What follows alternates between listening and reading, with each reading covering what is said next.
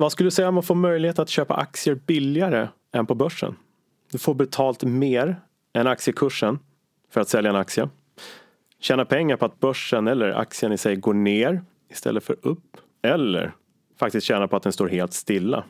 Tänk om du kan tjäna pengar om du har rätt i din marknadsråd, det brukar man ju ha. Men tänk om du tjänar pengar även om du har helt fel.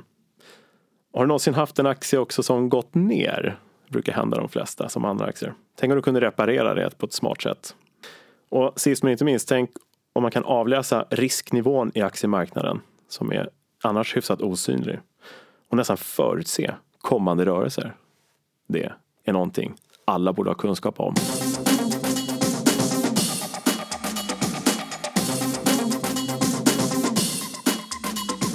Ja, välkommen till Optionspodden, första pilotavsnittet. Någonstans läste jag att det är det svåraste avsnittet av alla poddar. Eh, det här är i alla fall podden som är tänkt att sprida kunskaper som ingen investerare eller privatsparare borde vara utan. Alla aktieintresserade främst som eh, investerar i aktier eller försöker få sin avkastning att bli så optimal som möjligt. Eh, vi kommer här prata massvis om handeln förstås med då optioner och terminer.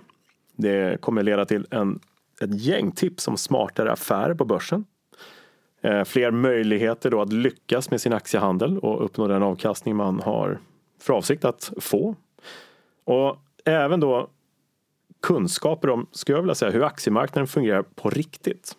Och det innefattar en rad andra saker än bara aktier och optioner, vilket ju är till exempel vad som händer i vår värld runt omkring oss. Eh, politiska saker eller risk, vad är det för någonting?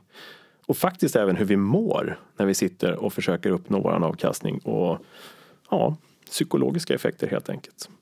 Mitt namn är Karl Björkegren, men jag lyssnar bara om ni kallar mig för Kalle Björkegren oftast. Jag är då sån här derivathandlare till yrket sedan 95 ungefär. Varit trader, en market maker, fondförvaltare, rådgivare. Men nu är jag mer vanlig till dagligdags föreläsare.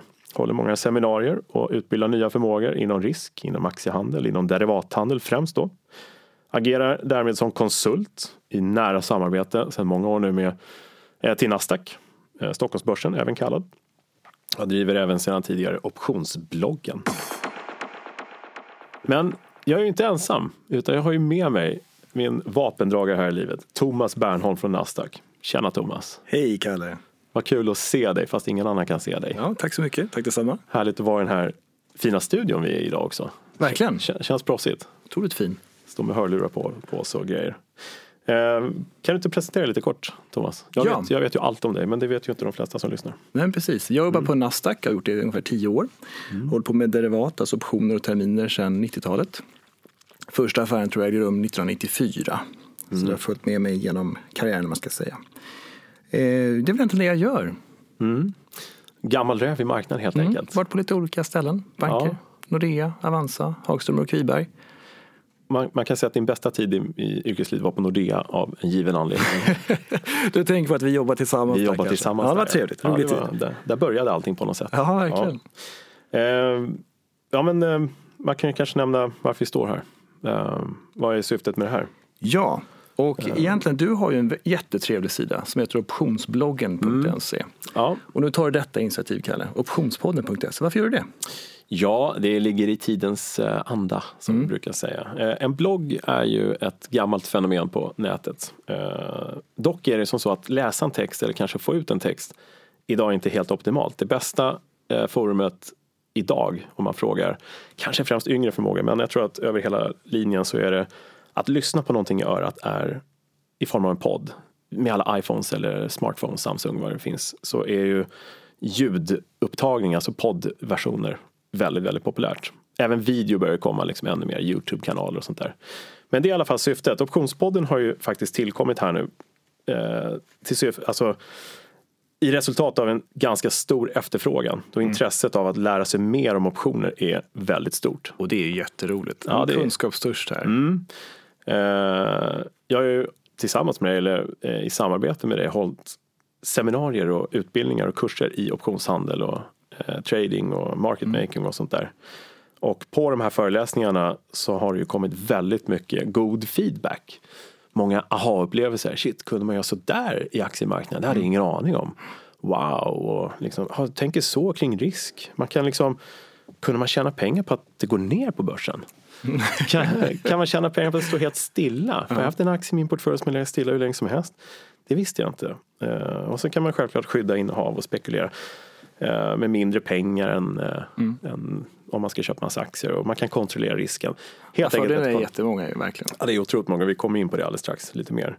Så att det, efterfrågan har varit gigantisk och den har varit kontinuerlig och då mm. har man inget mer val än att lyssna på sina trogna anhängare. Och förhoppningsvis nå ut till eh, fler helt enkelt. Mm. Så att eh, vi ska ju snacka alldeles eh, strax om hur man kan använda optioner och vad det är för någonting. Men vi kommer ju också självklart prata om aktiemarknaden som är den underliggande delen och börsen i stort. Vi kommer inte kanske gå in så jättemycket på större analyser om aktier och börsen. Mer om typ kommande rörelser och vad som kan hända i form av ja, risk och volatilitet som vi ska prata om. Och det kommer bli fokus på optionshandel och mer nytta och göra smartare trades på börsen helt enkelt. Spännande. Mm. Ehm, så risken i marknaden, viktig faktor. Vad säger den oss? Och sen då, det som jag fått väldigt mycket feedback på, det är den här psykologiska biten faktiskt. Ehm, börsen styrs ju av enormt mycket psykologi och hur vi tänker och girighet och rädslor och, mm. och sånt där. Verkligen. Och det går ju faktiskt tillbaka till hur vi mår som personer. Så det blir nästan lite eh, filosofiskt där. Men det är faktiskt väldigt viktigt och väldigt populärt mm. att prata om. Så det kommer också tas upp lite grann. Så det blir inte bara rent optionsmässigt, strategier, tråkigt matematiskt. Det blir inte matematiskt allt förresten, men eh, det blir en hel del extra också. Eh, och så lite överraskningar som Vad spännande, som ja, superintressant. Som man får lite. Men du, eh, vi börjar med snabbt om optioner här. Vad är dina spontana ord om optioner Thomas om du får en sån fråga från mig här nu? Ja, du har gjort en väldigt bra introduktion redan tycker jag. Det finns ju väldigt många fördelar med det och det jag kan säga spontant är att det är egentligen en liten gåta att inte fler använder sig av dessa instrument. Jag menar, många har ju en marknadsuppfattning och många köper ju aktier och fonder och sådär, tror på en uppgång. Men sen har många uppfattningen att ah, nu kommer det nog stå stilla här, det känns lite stökigt och lite skakigt. Mm. Det kanske ska gå ner var verkligen en förutsägelse som stämmer mm. bra. Ja. Men de agerar inte på det. Och det fina med optioner är verkligen att du kan tjäna pengar i en uppåtgående marknad och ta en sån position i en stillastående mm. marknad och en nedåtgående marknad. Och det där borde ju fler utnyttja. Verkligen. De försummar dessa chanser. Varför tror du att det är så? En viktig sak som du nu håller på att sprida också, det är kunskapen här. Alltså. Mm, Många har brist på kunskap. Mm. De känner inte till möjligheterna och det är en bra start att lära sig mer. Sen tror jag också att eh, optioner har ett skamfilat rykte. Läser man optioner i media, då är det ofta så att jaha, nu har någon bank eh, förlorat pengar på grund av optionshandel och så vidare. Mm. Och jag menar, det finns ju såklart riskfyllda strategier och optionsstrategier som innebär mycket högre risk. Men poängen är ju här att du kan ta bort mycket risk. Du kan ta bort risken helt. Du kan hedga dig fullständigt. Just det. Sådana saker. Så det hänger ihop lite grann det här. Eh, det här dåliga ryktet har jag råkat ut för några gånger också. Jag gör ju en stor grej av det när jag föreläser. Och jag måste säga att de allra flesta som får kunskapen till sig och det går ju ganska fort faktiskt när man tar ner på jorden. Att säga att optioner snarare hjälper och är till Exakt. stor nytta snarare ja. än att man går in i en sorts enorm risk. Och det ja. har ju väldigt mycket med ganska enkla kunskaper att göra. Ja. Uh, så att uh, det kan ju vara det här dåliga ryktet, det är någonting man får för sig. Sen så har man inte helt enkelt fått lära sig hur det funkar. Så kan det vara. Sen kanske man har provat en optionsaffär någon gång i tiden som inte har gått så bra. För ja, just att man kanske det. inte hade hela bilden klar för sig. Nej. Man kanske fick då, som det var på 90-talet, man fick kanske mm. en, en rekommendation man ska säga av en mäklare. Mm. Mäklaren kanske inte heller var helt påläst om man ska uppriktig. Och eh, investerarna hade inte alls den kunskapen som den, denne behövde. Nej, precis. Och så gick det lite fel och sådär. Mm. Men har man helheten så... Har du något eh, kul exempel från någon eh, som har handlat optioner? Någon eh, kund eller någon sån där som... Alltså det finns ju hundratals ja. exempel. Men eh, man kan säga så här, någonting som är lite spännande för många investerare. Det är en effekt mm. som vi inte har berört så mycket också. Och det är just hävstångseffekten för den spekulative. Mm. Och det innebär ju helt enkelt att du satsar ganska lite pengar mm. och du kan få en väldigt hög procentuell avkastning. Och jag hade en del kunder då på slutet av 90-talet när det var en fantastisk positiv marknad mm. som gjorde alltså, många hundra procent och en del gjorde faktiskt flera tusen procent på, på en kortare tid. Det. Det Då är det såklart eh, ganska riskabla positioner och så. Mm. Fast man kan ju bara förlora det man har investerat. Så man investerar en viss premie, alltså vad optionen kostar. Mm. Och sen så kommer man att erfara en fin procentuell av, eh, avkastning. Och så där, så. Just det, så man köper en option för 1000 kronor säger vi. Ja. Och så kan den faktiskt gå upp till 5000 kronor. Mm. Det är ju många hundra procent det liksom. Exakt. Jag brukar när jag talar så brukar jag prata om min första optionsaffär. Så att, eh, har ni lyssnat med tidigare så kanske ni tycker att jag är lite tjatig. Men det var på universitetet, jag hade ett begränsat kapital. Jag satsade 2000 kronor. Och på, jag tror det var två veckor, så var det värt 10 000. Ja. Så det var 400 procent. Man tänkte det här var ju enkelt. Men sen, Klassiskt studenttänk. Ja, exakt. Men det, det i alla fall visar lite grann om möjligheterna. Mm. Och det var väldigt, väldigt bra för mig. För jag hade inte mycket pengar, det var nästan allt jag hade. Du kunde investera dem och fick en bra avkastning. Mm. Hade jag fått, eh, eller skulle jag behövt, eh, om jag skulle ha samma avkastning och jag skulle köpa aktier för motsvarande, eh, och få motsvarande avkastning så hade jag behövt investera ganska mycket. Och det hade jag inte alls möjlighet till. Så. Nej. Nej, så att det finns ju det, är inte, man, ja, det, det finns ju en klar fördel redan där. Mm. Det finns en spekulationsmöjlighet med den här hävstångseffekten och så. Mm. Eh, Men man måste också säga så här, det med spekulationerna. Det, det är kanske det här som folk förknippar optioner med, just det här spekulativa. Men det är verkligen, det är grunden eller vad man ska säga. Det är det här som folk tänker spontant på. Det är ju så himla intressant att skapa, optimera strategier efter sin marknadstro och blanda in olika optionsstrategier. Vi kommer ju komma till det senare vad jag förstår. Ja, precis. Eh, ja, vi kan gå in på lite grann eh, varför man ska använda optioner och terminer. Alltså en liten kort sammanfattning. Vi kommer ju i tanken här kommande avsnitt prata mer eh, specifikt om vissa strategier, marknadslägen och vad man kan göra och hur det ser ut. Men om vi tar lite kortfattat. Huvudsyftet med optionshandel är egentligen skulle jag säga skydd eller spekulation helt enkelt. Eh, och skydd, då menar jag att då kan man ju exempel köpa en säljoption, det vill säga köpa en försäkring på sin aktieportfölj eller sin aktie för det är väldigt enkelt. Precis som man handlar en hemförsäkring eller en försäkring på sin bil eller cykel. Just det. Så eh, om eh, en aktie står i 100 spänn och har rapport imorgon då kanske man är rädd för att det ska gå ner. Man vet ju inte hur rapporten blir. Kan man köpa rätten att sälja den här aktien på 100 spänn. Går den då ner till säg 80 kronor, blir katastrofal rapport. Ja, då har man sitt skydd vid 100 kronor och har rätten att sälja där fortfarande. Väldigt enkelt uttalat. Vad som än händer så har man rättigheten där. Ja, fler möjligheter helt enkelt till aktiehandeln. Till att tjäna pengar eller att uppnå önskat resultat eller faktiskt spara pengar när det blir turbulent. Eh, Men fler sätt att spekulera. Vad, är, vad skulle du säga Thomas? Eh, Din favoritstrategi eller din Oj. favoritanvändningsområde? Ja, jag tror vi ska gå in först på i så fall var, eller hur optionerna fungerar innan jag tar den. Men eh, just att om du tror på exempel en liten uppgång och verkligen kunna få en betydligt högre avkastning med hjälp av optioner. Och sådana strategier behöver inte kosta någonting heller. För du kan sälja en del optioner. Ja, just det. Och det här, då vi går in på det som heter för utfärda Ja. också. Men sagt, det, kommer vi till lite grann. Men, men det finns en hel del sådana här eh, favoritstrategier måste jag säga som är superintressanta. Exakt, så man kan sammanfatta för att för en oinvigda här så blir det många uttryck. Det blir många Mm. så här, spekulationsgrader och det är hävstångseffekter. Det finns ju naturligtvis en viss risk också. Risken är att man förlorar allt man har stoppat in i en option. Det är Mm. ungefär som en försäkring man köpt på bilen. De pengarna får man inte tillbaka.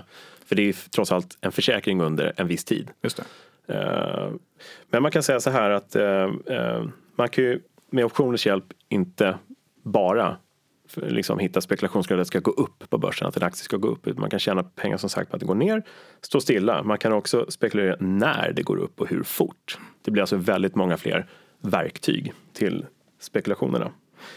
Eh, vad jag skulle nämna snabbt också, det är ju det här att man kan läsa av optionsmarknaden genom eh, värderingarna på optioner. Det här blir ju high tech från grund och botten. Men man kan faktiskt nästan läsa av hur det ska gå på börsen när risken ökar och minskar under kommande investeringsperiod. Och det här finns ju hela index för det här. VIX-index finns något som heter och sånt. Och där är det närmaste man kan komma tycker jag den här klassiska kristallkulan man vill titta in i. Hur ska det gå på börsen och sådär. Det, är- det är den klassiska. Men här kan vi faktiskt läsa av. Vad är det för risk? Vad tror folket som verkligen sitter och styr? Vad har de för tankar om risken kommande 30 eller 60 dagar? Men vad är optioner då? Vi, vi går in på det lite snabbt. Alltså, hur funkar de? Vad är det för sorts instrument? Eh, det finns ju två instrument bara. Det är ju en köpoption och en säljoption. En call och en put. Där har vi dem. Köpoption, säljoption, call och put. Är det något speciellt med dem? Eh, Handlas de i några speciella datorer eller Nej, de handlas ju på, på Nasdaq, alltså Stockholmsbörsen, precis som aktier faktiskt. med en köp och säljkurs? Ja, liksom? köp och säljkurs. Och man kan köpa dem när man vill och det är samma öppettider och det är inga konstigheter. sådär. Ja, exakt. Och en viktig sak också, många förknippar då optioner med att okej, du kan köpa underliggande aktie. Helt rätt, för det är ett derivat som det heter. Men det är inte så att du behöver fullfölja den affären. Du kan köpa en option idag, så den kanske du säljer imorgon. Det är inte så att man måste lösa in den mot aktier. Nej. Eh, och det här är då det avancerade ordet derivat. Ett derivat som vi säger. Och ett derivat kan man ju förminska det avancerade i genom att säga att eh, en option är ju liksom i sig helt värdelös. Den är inte värd någonting, själva instrumentet. Men när du kopplar in den här till en underliggande vara, en aktie, ett index eh, eller någonting annat, olja finns det ju, valutor. Då tar det här derivatkontraktet, typ optionen, då tar den form, blir värd mer eller mindre. Den eh, liksom blir dyrare, billigare och sådär. Ut efter hur den underliggande varan som den är kopplad till rör sig. Aktien till exempel. Den alltså härmar den underliggande aktien. Eller deriverar som det så fint heter. Det är därför det är ett derivat. Så att utan den underliggande aktien, om aktien försvinner från jordens yta, då försvinner i samma sekund derivatet. För den är liksom som en liten amöba hänger på. ja, de Nej, men vad, vad jag skulle vilja ta upp först här bara i alla fall, det är just det här med, med köp och säljoptionen. Och eh, det handlar om rättigheter. Och jag brukar uppehålla mig ganska mycket vid köpoptioner till att börja med, när jag pratade med kunder förr i tiden och så. Och det är alltså rättigheten att köpa underliggande aktie under en viss tid och till ett visst pris. Just det. Så det är egentligen en köprättighet. Och säljoptionen, som vi redan berört lite grann också, där har du en rättighet att sälja någonting. Och i det här fallet aktien också. Och i fallet om vi har en rättighet att sälja aktier för 100 kronor så att bolaget kan gå i konkurs. Du kan fortfarande sälja dina aktier för 100 kronor. Och det är som en försäkring och ett skydd. Det kan kännas väldigt trevligt ju om man tycker att det är lite turbulent och stökigt. Ja, det är det ju. Ett bra alternativ helt enkelt. Eller option om man så vill. Ska vi gå in på de andra två grundpositionerna en gång? Det kanske? tycker jag. Ja, Och de är ju ganska tätt förknippade med de två första, eller Verkligen. hur? Därför att då har vi pratat om att köpa en köpoption, en call, eller köpa en säljoption. Men då måste det naturligtvis finnas en motpart på andra sidan. En säljare respektive. Där kommer de andra två. just det. Och, ja, Ja, och tittar vi då, om jag köpte en köpoption och eh, motparten då har sålt en köpoption så har den helt enkelt en helt spegelbildsvänd en position mot vad jag har. just det. Så om jag har rättighet att köpa, om jag har köpt optionen, så har den personen en skyldighet att sälja. Svårare än så är det faktiskt inte. Nej, det låter logiskt Ja. på något sätt. Liksom. Och när man då säljer en option som man inte äger, då utfärdar man den. Så här ska man skilja på att köpa en option och sen säljer man den. Alltså man köper en aktie och sen säljer man den. Det, det är en sak. Men här börjar det med att sälja någonting som du inte har och då utfärdar man optionen. Och tittar vi på säljoptionen då. Om jag har köpt en säljoption så hade jag rätten att sälja aktier. Och den andra motparten har alltså skyldighet att köpa aktier då. Just det. Det är så här som man måste hålla tungan lite eh, rätt i mun så att säga. När man lyssnar. Men egentligen är det ju ganska logiskt. Vi har rätten att köpa någonting eller rätten att sälja någonting. Och på andra sidan så har vi då eventuellt en skyldighet att sälja till köparen av optionen om han väljer eller hon väljer att lösa in sin rätt. I köpoptionens fall. Där, Ja.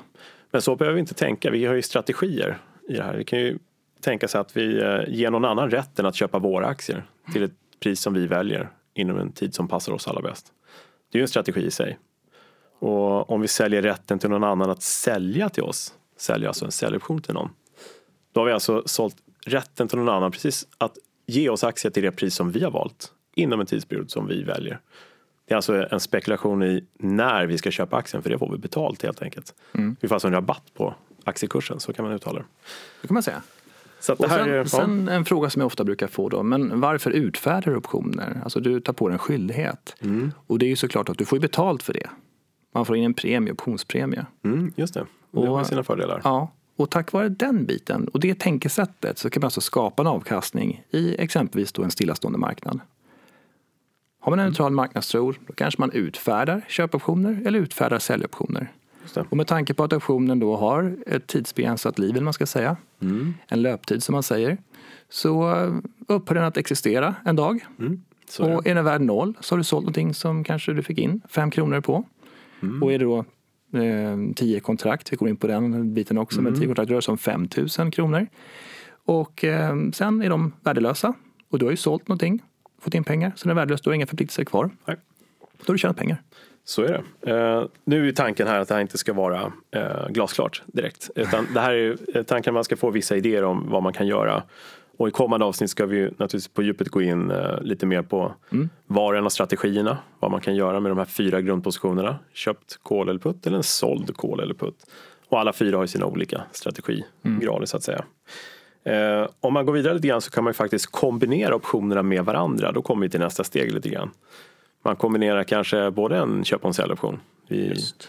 betalar dubbelt så mycket premium som man får betala för optioner. Men vi har då också möjlighet att tjäna både på upp och nedgång. Du helgarderar lite kan man säga. Ja, men det ja. får inte stå stilla då. Nej, då vill vi att det ska röra på mm. sig, annars förlorar vi premien vi har betalt. Mm. Men inte mer än så.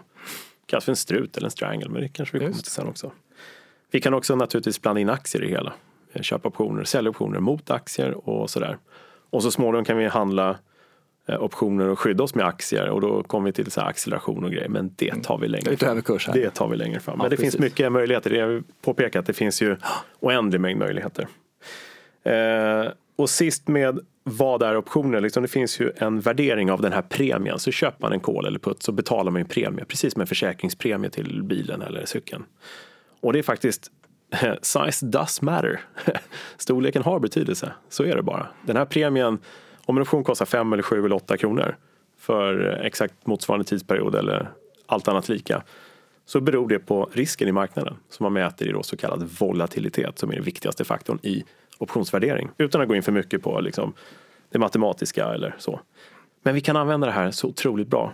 Som vi redan har nämnt lite att vi kan ju eh, se om en option förfaller 30 dagar in i tiden liksom, så kan vi se hur risken också är bedömd att vara 30 dagar in i tiden. Vi kan helt enkelt se vad den stora kollektiva marknaden har bedömt att risken är.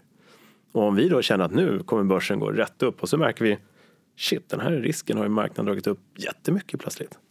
Och vi har ju sådana här ja, men händelser eh, som eh, Brexit som var lite oväntad och risken var ganska lugn innan dess för alla opinionsinstitut sa att det händer ingenting och när Trump blir president eller vi hade finanskrisen och, och tidigare, vi har ju massa sådana här grejer.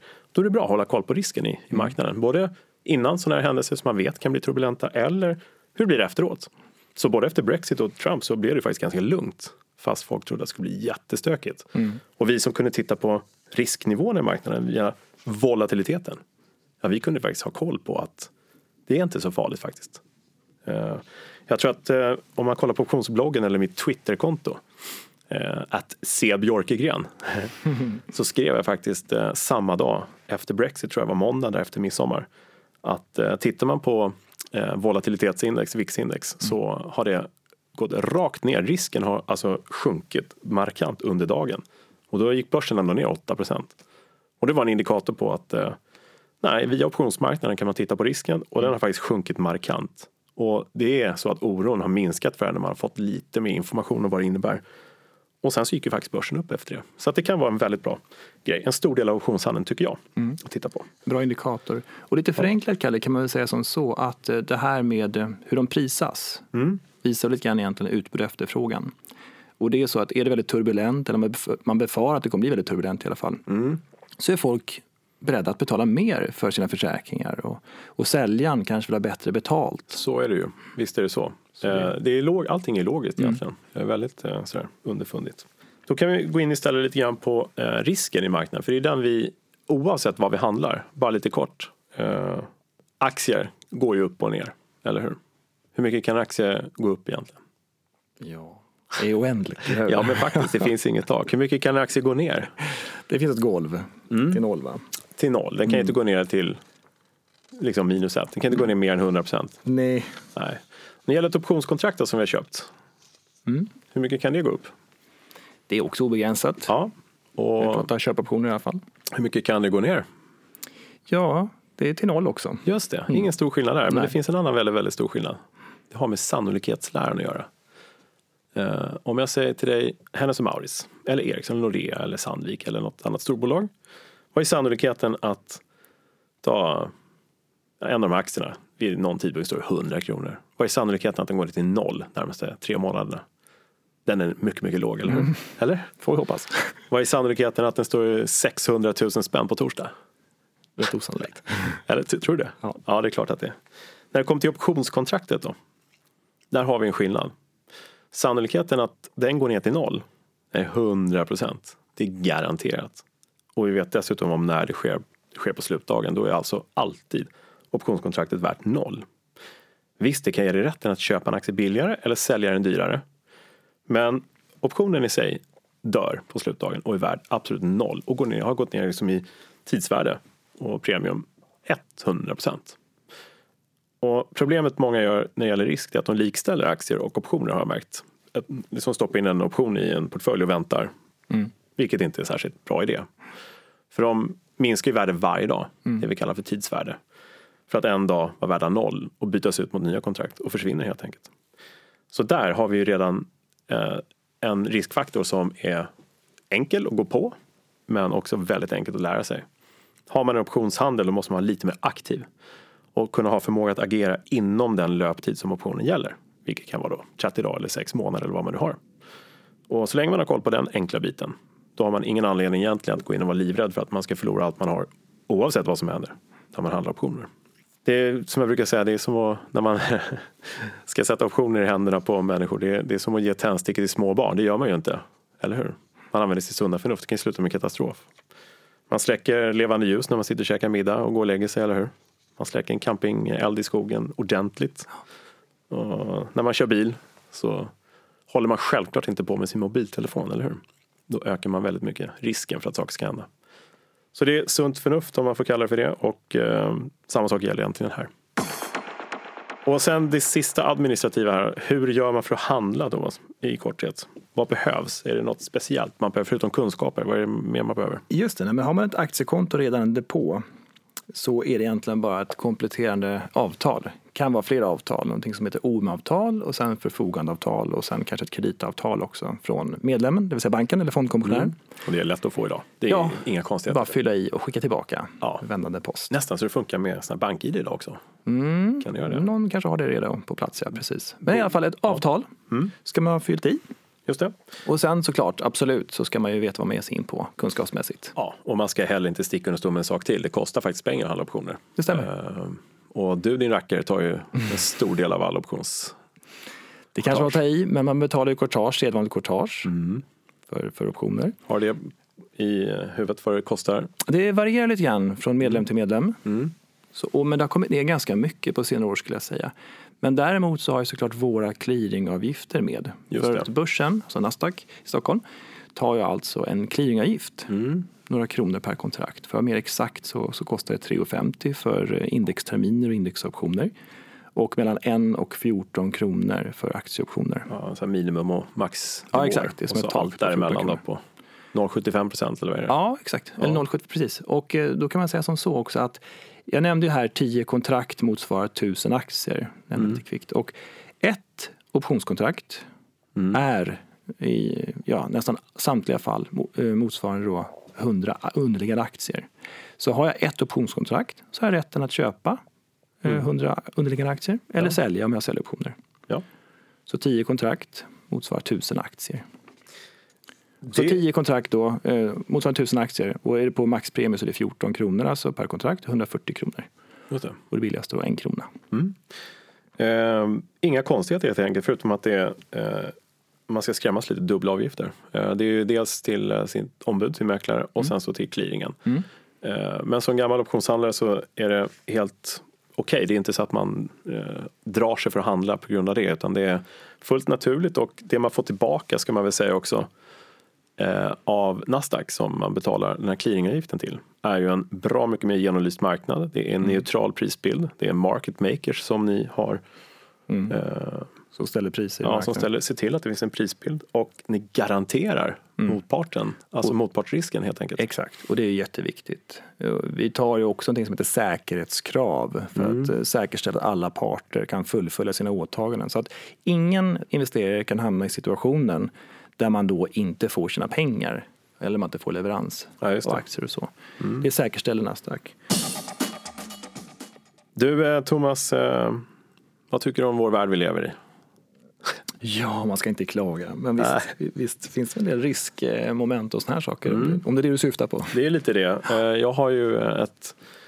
När man står och håller seminarier och sånt där tycker jag att man automatiskt skapar sig såna här, eh, egentligen floskler på något sätt, men eh, det blir så här ordspråk. Mm. Och någon gång sa jag en gång att det enda som är säkert i finansmarknaden är att ingenting är riktigt säkert. Det stämmer ju bra. Ja, men det gör ju verkligen Ja. det. Vi vet ju inte vad som händer imorgon. Nej. Vi har ingen aning om det. Utan det blir en bedömning av risk helt enkelt. Och det är det vi alla håller på med. Även de som bara håller på med aktier eller ja, men, i livet i stort. Det är klart att det måste planeras för om det händer jobbiga saker på något sätt. Sen får man inte gå omkring och, och tro att himlen ska trilla ner varje dag. Eh, men det är ju som så att börsen går ju upp och ner.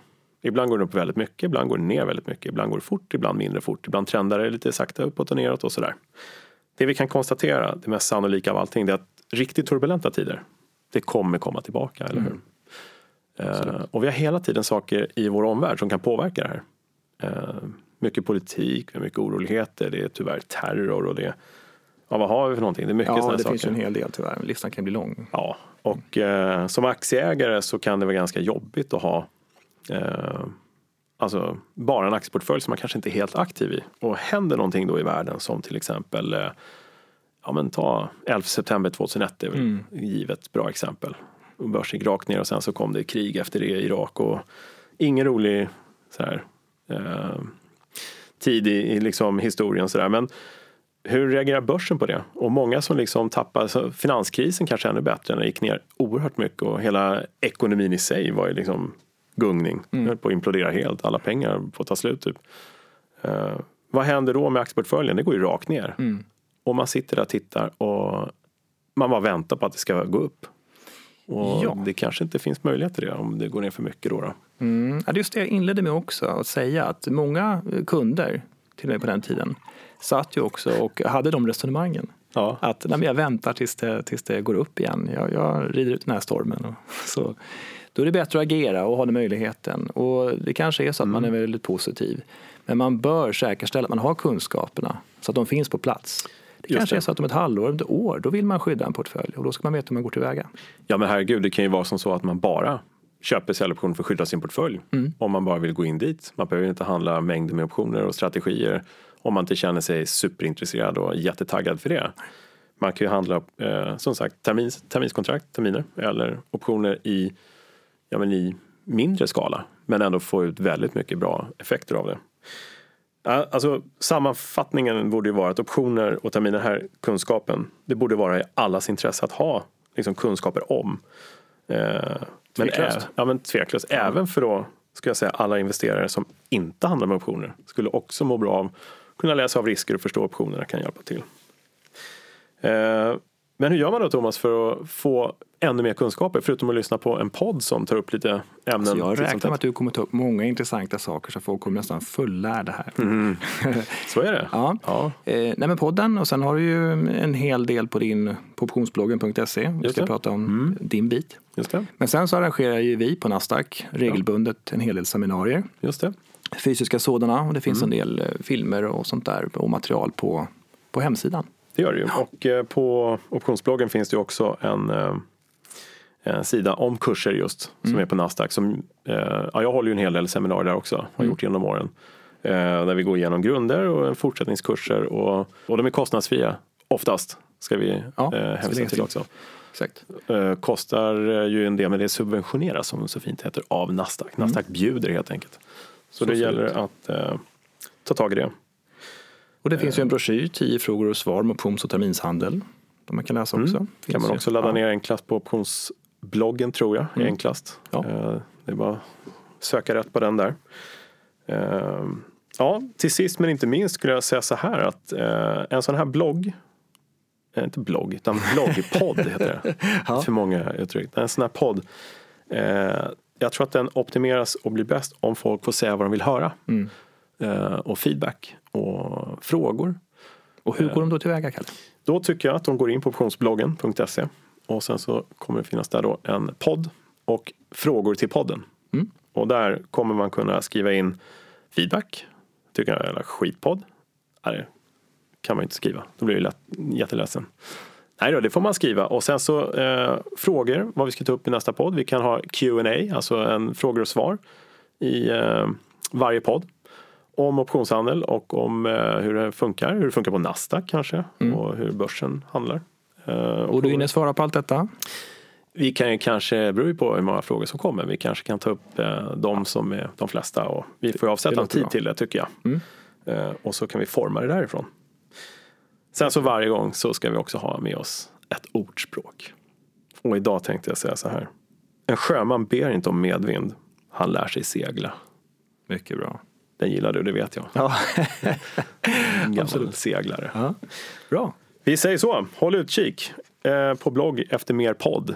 Perfekt. Och kanske till och med vlogg så småningom. Det är många ord där. Så får vi hoppas att det på stan inte blir någon smog. Ja, Nej, tack. så mycket Thomas. tack för idag, Kalle. Bra jobbat. Tack.